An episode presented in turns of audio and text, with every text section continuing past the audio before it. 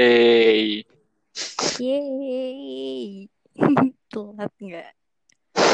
Jadi, episode kali ini kita mau bahas buku yang judulnya Great Haired Woman, wanita berambut Wanita Berambut Merah. Kalian siapa tuh, Kak? Orhan Pamuk. Oke, sebelum kita bahas bukunya, eh, perkenalan lagi. Gue Nabila sebagai pemandu yang masih magang dan Ilham Fareza sebagai pencerita. yang enggak magang. Terus, Jadi eh, tadi kan disebutin eh, buku ini tuh penulisnya siapa sih Kak? Dan penulis si penulis ini tuh sebenarnya tuh siapa? Sosoknya. Ya, sosok nggak tuh?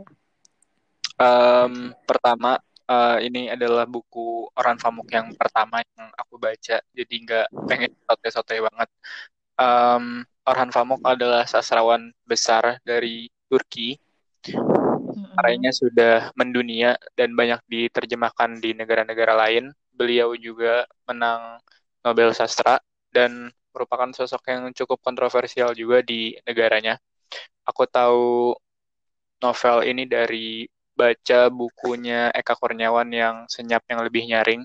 Yang waktu itu kita beli bareng di Posanta. Jadi di eh, kumpulan blognya Eka Kurniawan tuh yang dibukukan, eh, dia banyak notis tentang Orhan Pamuk, gimana Oh, gitu. betapa hebat dan betapa kerennya dia. Oh iya, buku ini adalah terbitan dari Bentang Pustaka. Eh, tadi kan dibilang dia tuh kontroversial di negaranya. Kenapa tuh Kak dia kontroversial? Kontroversial karena eh, sempat, ya secara ideologi dan politik ya, eh, waktu itu sempat kena kasus karena men- bukan menuduh sih, tapi melempar opini bahwa ada pembantaian salah satu eh, suku, kalau nggak salah suku Kurdi di Turki yang nggak diusut. Jadi dia Hmm. sempat eh, mau di eh, adili, tapi eh, kalau nggak salah waktu itu dia dibela eh, banyak kalangan ya, aktivis-aktivis HAM dan pengadilan internasional juga waktu itu sempat dilibatin kalau nggak salah. Oh gitu. Kita balik lagi ke bukunya. Tadi judulnya adalah The rambut merah. Red The Red Hair Woman atau wanita berambut merah. Ini tuh ada kaitannya gak sih sama eh, tadi latar belakang dia sebagai orang politik, terus yang di eh, Hmm. apa ya hidup dia penuh kontroversi di negaranya dan segala macam. Ada kaitannya gak sih sama bukunya ini? Eh, kalau setahu aku yang karya terbaik dan terbesar dia My Name is Red ya. Yang Oh. ini satu eh, karya lainnya. Hmm. Malah keren, tapi aku nggak tahu sih karena belum baca yang My Name is Red ya. Kayaknya sekeren itu juga. Em, hampir pokoknya eh, menurut aku pasti ngebahas tentang ini ya eh, kepercayaan dan politik dan dia pasti nyelipin apa yang terjadi di hidupnya sih. Hmm, Aku baca dari ya dengan reviewan dan di. Kayaknya karya-karyanya ba- ngebahas ya itu ideologi politik dan ya cukup mm, berat lah. Oke, berarti ngomong-ngomong buku ini tuh lebih sedikit lebih berat daripada bahasan Hmm. kita yang kemarin ya, Jauh jauh. Nawila. Oke, terus eh, si buku ini tuh ngebahas tentang apa sih secara garis besar? Secara garis besar mungkin aku mau memulai dari dua dongeng atau kisah dari dua barat. Yang satu dari barat, yang satu di timur. Yang dari barat Hmm, eh, kisah Oedipus Rex. mm-mm. Kalau anak Itu kayak kayak pernah denger gitu deh bahasa-bahasanya Oedipus, sama bahasa Oedipus karena itu dipakai sama eh, Sigmund Freud di Freud. oh, Berarti perkembangan aku lulus jadi anak psikologi. di tahap Yeay. Palik ya kalau nggak salah.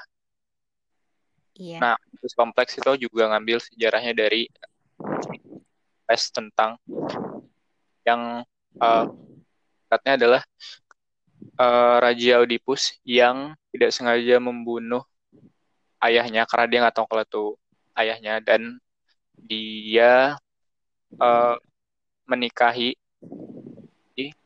ibunya lalu punya anak dari ibunya pokoknya tragis banget deh dan di akhir cerita itu si Oedipus menyadari dan mengetahui semua hal yang telah dia lakukan dan akhirnya di terakhir dia mencungkil matanya sendiri demi menebus semua yang dia lakukan. Berarti ya, sesuai sama teori itu ya Oedipus kompleks di fase paling di ranah psikologi. Iya nggak sih? Gimana tuh? Coba jelasin. Coba jelasin dong Kak Ilham sebagai yang sudah lulus. Biasanya kan aku masih mahasiswa. Uh, ya, di bahasan tentang psikologi mungkin ya di Freud. Uh, terus yang kisah dari timurnya adalah Rostam dan Sohrab. Kalau hmm. misalnya tadi di Oedipus Rex itu anak yang membunuh bapaknya secara tidak sengaja anak di Rostam dan Sohrab itu kebalik ayah yang membunuh anaknya secara tidak sengaja karena dia tidak tahu kalau itu anaknya. Uh, ceritanya menarik dari dua dongeng itu. Kita perlu tahu tentang hubungan orang tua anak bisa lewat cerita itu dan tragis dua-duanya. Jadi nah, itu dalam satu uh, aku tuh membahas dua dongeng ya. Dua dongeng itu yang menjadi aku aku rasa jadi dasar atau jadi uh, lar gitu dari buku ini. Karena hmm. uh, intinya ngebu di buku Dread Retom ini menceritakan tentang tokoh utamanya adalah Cem, hubungan rumit antara si Cem dengan uh, bokapnya yang bokap kandung atau bokap atau yang dianggap bapak yaitu Tuan Mahmud si penggali sumur. Karena si Tuan Mahmud ini dirasa oleh Cem itu menggantikan sosok bapaknya gitu. Karena bapaknya adalah pelarian politik. Dia aktivis kiri yang lagi diuber-uber sama pemerintah dan dia sering hilang dari hidupnya Cem. Jadi dia menemukan sosok bapak dari si Tuan Mahmud. Nah, nantinya di masa depannya dia bakal juga konflik si Cem dengan anaknya sendiri. Dan ending dari Aron Pamuk inilah yang menjadi apa ya? Uh, bagian paling menarik dan paling ditunggu lah. Hmm, oke. Okay. Tadi tuh yang Chen yang tadi diceritain itu berarti dongeng timur atau dongeng barat? Nah, uh, di buku ini sih coba dikonstruksi dari kedua kisah tadi ya. Uh, nah, oh. si obsesi sama dongeng kedua dongeng inilah dia benar-benar yang dalam hidupnya tuh benar-benar terusik dan dia terus mempelajari secara mendalam gitu loh baca terus ke dua dongeng ini dan akhirnya terjadi gitu di di kehidupan dia secara secara langsung dan ketakutan-ketakutan ya itu didasari dari kejadian di masa lampau uh, buku Aron Famuk ini dibagi menjadi tiga bagian. Yang bagian pertama itu uh, Cem di masa muda ketika dia uh, mau kuliah, terus uh, dari dia jaga apotek bokapnya, terus di uh, perpustakaannya Tuan Denis, terus dia akhirnya memutuskan buat jadi asisten penggali sumur karena di satu hari dia ketemu sama Tuan Mahmud dan di, dia diajak kerja di sana dan untuk mendapatkan uang lebih dan dia penasaran gimana caranya gali sumur. Akhirnya dia kerja sama Tuan Mahmud si bosnya. Terus, hmm. uh, Di, di di kala dia kerja sebagai asisten menggali sumur itulah semua kisahnya dimulai. Soalnya dia di situ ketemu sama si wanita berambut merah yang dia adalah pemain teater keliling gitu. Nah, di bagian pertama tuh fokus nyeritain di setting itu gimana dia kerja sama Tuan Mahmud, gimana dia menemukan sosok bapak, terus di situ dia pertama kali ya menceritakan Oedipus Rex ke Tuan Mahmud, dan di akhir bagian satu itu terjadi suatu insiden yang ini nggak apa-apa buat spoiler, jadi ih jangan spoiler, uh, nggak teka-teki biar penasaran akhirnya gimana. Di akhir bagian satu ada insiden yang menyebabkan Tuan Mahmud nyebur ke uh, kecelakaan di dalam sumur. Nah, nanti di akhir uh, pembaca bakal tahu Tuan Mahmud tuh nasibnya gimana. Nah, di bagian satu itu juga uh, banyak menceritakan hubungan antara si Cem dan wanita berambut merah yang akhirnya nanti mereka akan punya anak. Ini juga spoiler. Nah, bagian Spoiler kedua, sekali. bagian kedua adalah fase kehidupan setelah dia uh, menyelesaikan pekerjaan yang ya bisa dibilang nggak menyelesaikan sih karena dia kabur. Uh, bagian kedua menceritakan kehidupan dia pasca itu, bagaimana dia membangun kuliah, terus akhirnya dia menjadi uh, pemilik perusahaan besar yang dia bangun sendiri, terus dia juga nikah nanti, dan dari istrinya tuh dia nggak bisa punya anak karena ada gangguan kalau nggak salah di istrinya. Terus, mm-hmm, terus di bagian kedua tuh akhirnya dia nanti uh, ketemu sama si wanita berambut merah lagi setelah 30 tahun kemudian gitu. Oh, Terus okay. di bagian yang ketiga yang bagian terakhir itu akan menjelaskan apa yang terjadi sebenarnya pasca di insiden itu yang gak dijelasin di bagian dua. Hmm. Terus buku ini tuh uh, tadi kan terbagi dari tiga bagian. Itu ada berapa halaman sih kak? Tebel nggak? Hmm, berapa ya? Bentar. Sekitar 300-an halaman. Oh, lumayan. Enggak sih, kalau ukuran novel segitu singkat. Ukuran suka membaca buku. Maksudnya ukuran hmm. untuk membaca buku Dan, mungkin itu singkat. Eh, uh, gak berasa aja sih baca buku ini. Tahu-tahu udah habis aja. Gak sampai seminggu lah ini mah. Wah iya. Soalnya penuturan sama storytellingnya tuh bagus banget. Padahal eh, ada beberapa titik yang uh, sebenarnya ini kalau di jadiin sinetron atau dijadiin adegan drama tuh kayak mungkin bakal se berlebihan itu ya. Tapi di sini ditulis dengan yang cara masih temponya tuh kayak lambat, tapi kita tuh bacanya kayak uh, kaget gitu sebenarnya. Bagus hmm. jadi. Jadi ini tuh buku yang novel tapi ada sejarahnya juga ya. Hmm, bisa dibilang ya. Mungkin banyak juga yang bahas uh, bagaimana perubahan kultur atau perubahan nilai di hmm. Turki dari benturan antara peradaban Barat dengan uh, sejarah masa lampau Turki ya yang Islam. Hmm. Uh, pelajarin di sekolah ya tentang itu apa sekularis sekularisme. Iya sekularisme di Turki.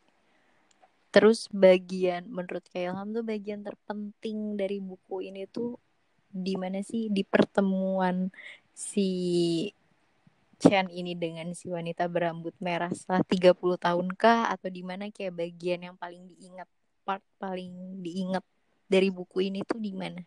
Hmm, jelas yang ending ya kalau part paling diingat karena okay. uh, apa ya? Endingnya seteka-teki itu. Mengejut mengejutkan bisa dibilang.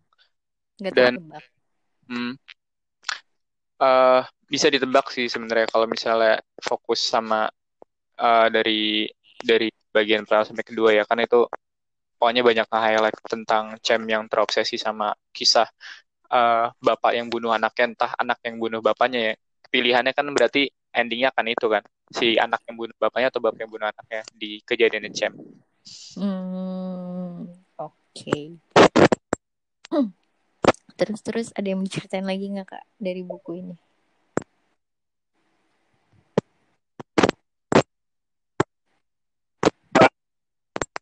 Bentar deh, kode.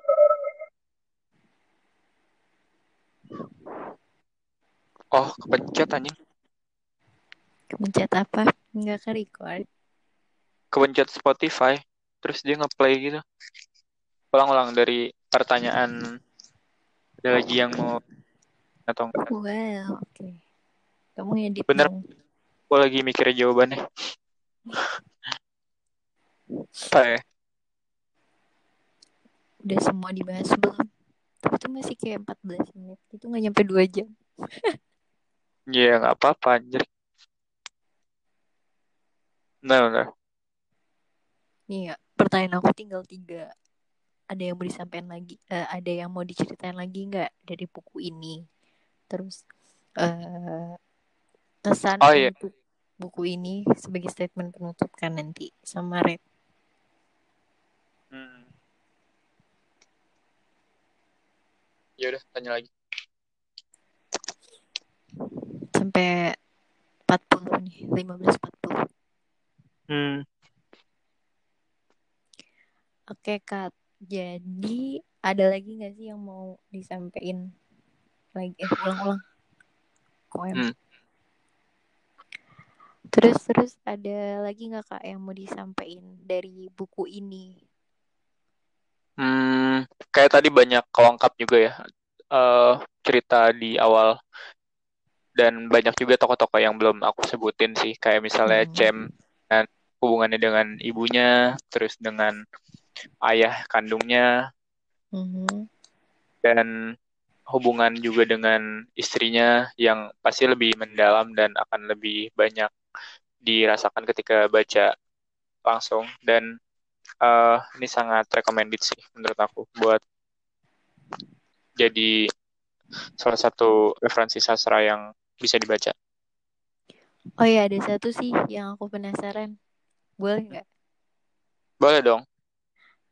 Uh, jadi kan tadi kan Chen itu berarti hidup sama ibunya ya, maksudnya dia besar sama ibunya karena ayahnya tuh uh, pergi. Hmm. Iya nggak sih? Iya iya, ayahnya jadi aktivis, aktivis. revolusi. Jadi dia uh, di situ tuh besar sama ibunya. Betul. Oh, Oke, okay. itu sih yang penasaran Nah, uh, dengan dia tumbuh dalam sosok yang tidak bisa dibilang nggak punya bapak. Hmm. Nah, itu yang juga membuat dan membentuk kepribadian Cem dan pikirannya tentang ayah gitu loh. Konsep ayah hmm. dia pikirkan itu. Nah, nanti juga bakal uh, pengaruh besar ke anak haramnya Cem karena anak haramnya Cem juga tumbuh tanpa bapak sama sekali. Oh iya benar. Terus si Chen ini tuh kan dia ayahnya tuh uh, aktivis ya. Nah di hmm. sini diceritain Chen tuh aktivis juga kah atau maksudnya dia kayak hmm, apa ya? ada di ranah-ranah politik juga atau dia kayak orang biasa aja? Dia murni bisnismen dan nggak oh, tertarik okay. sama politik. Uh, politik dan oh. dia dia pembaca buku yang rajin lah. Hmm, oke. Okay. Terus uh, satu alasan kenapa orang tuh harus banget baca novel ini? Um, pertama untuk uh,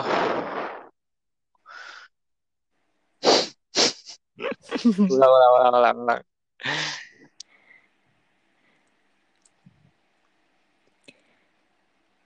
hmm. ulang ulang oke okay.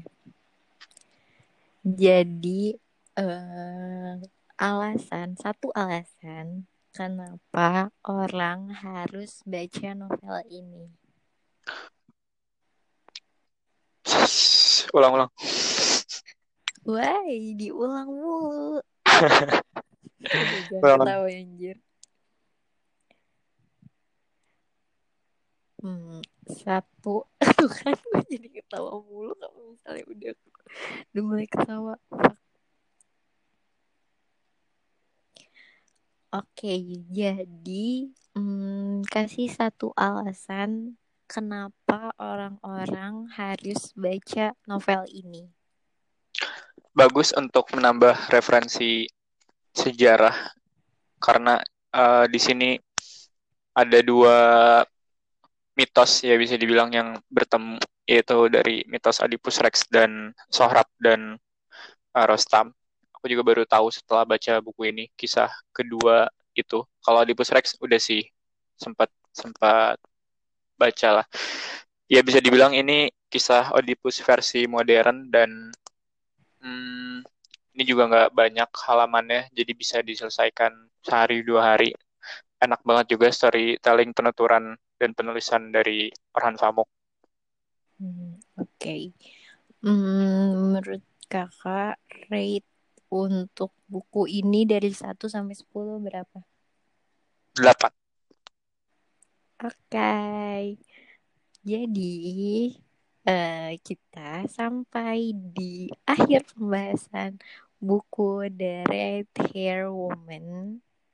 Terima kasih buat yang udah dengerin. Dadah. Dadah. Selamat mendengar, selamat, selamat mendengar. Dan stay safe everyone.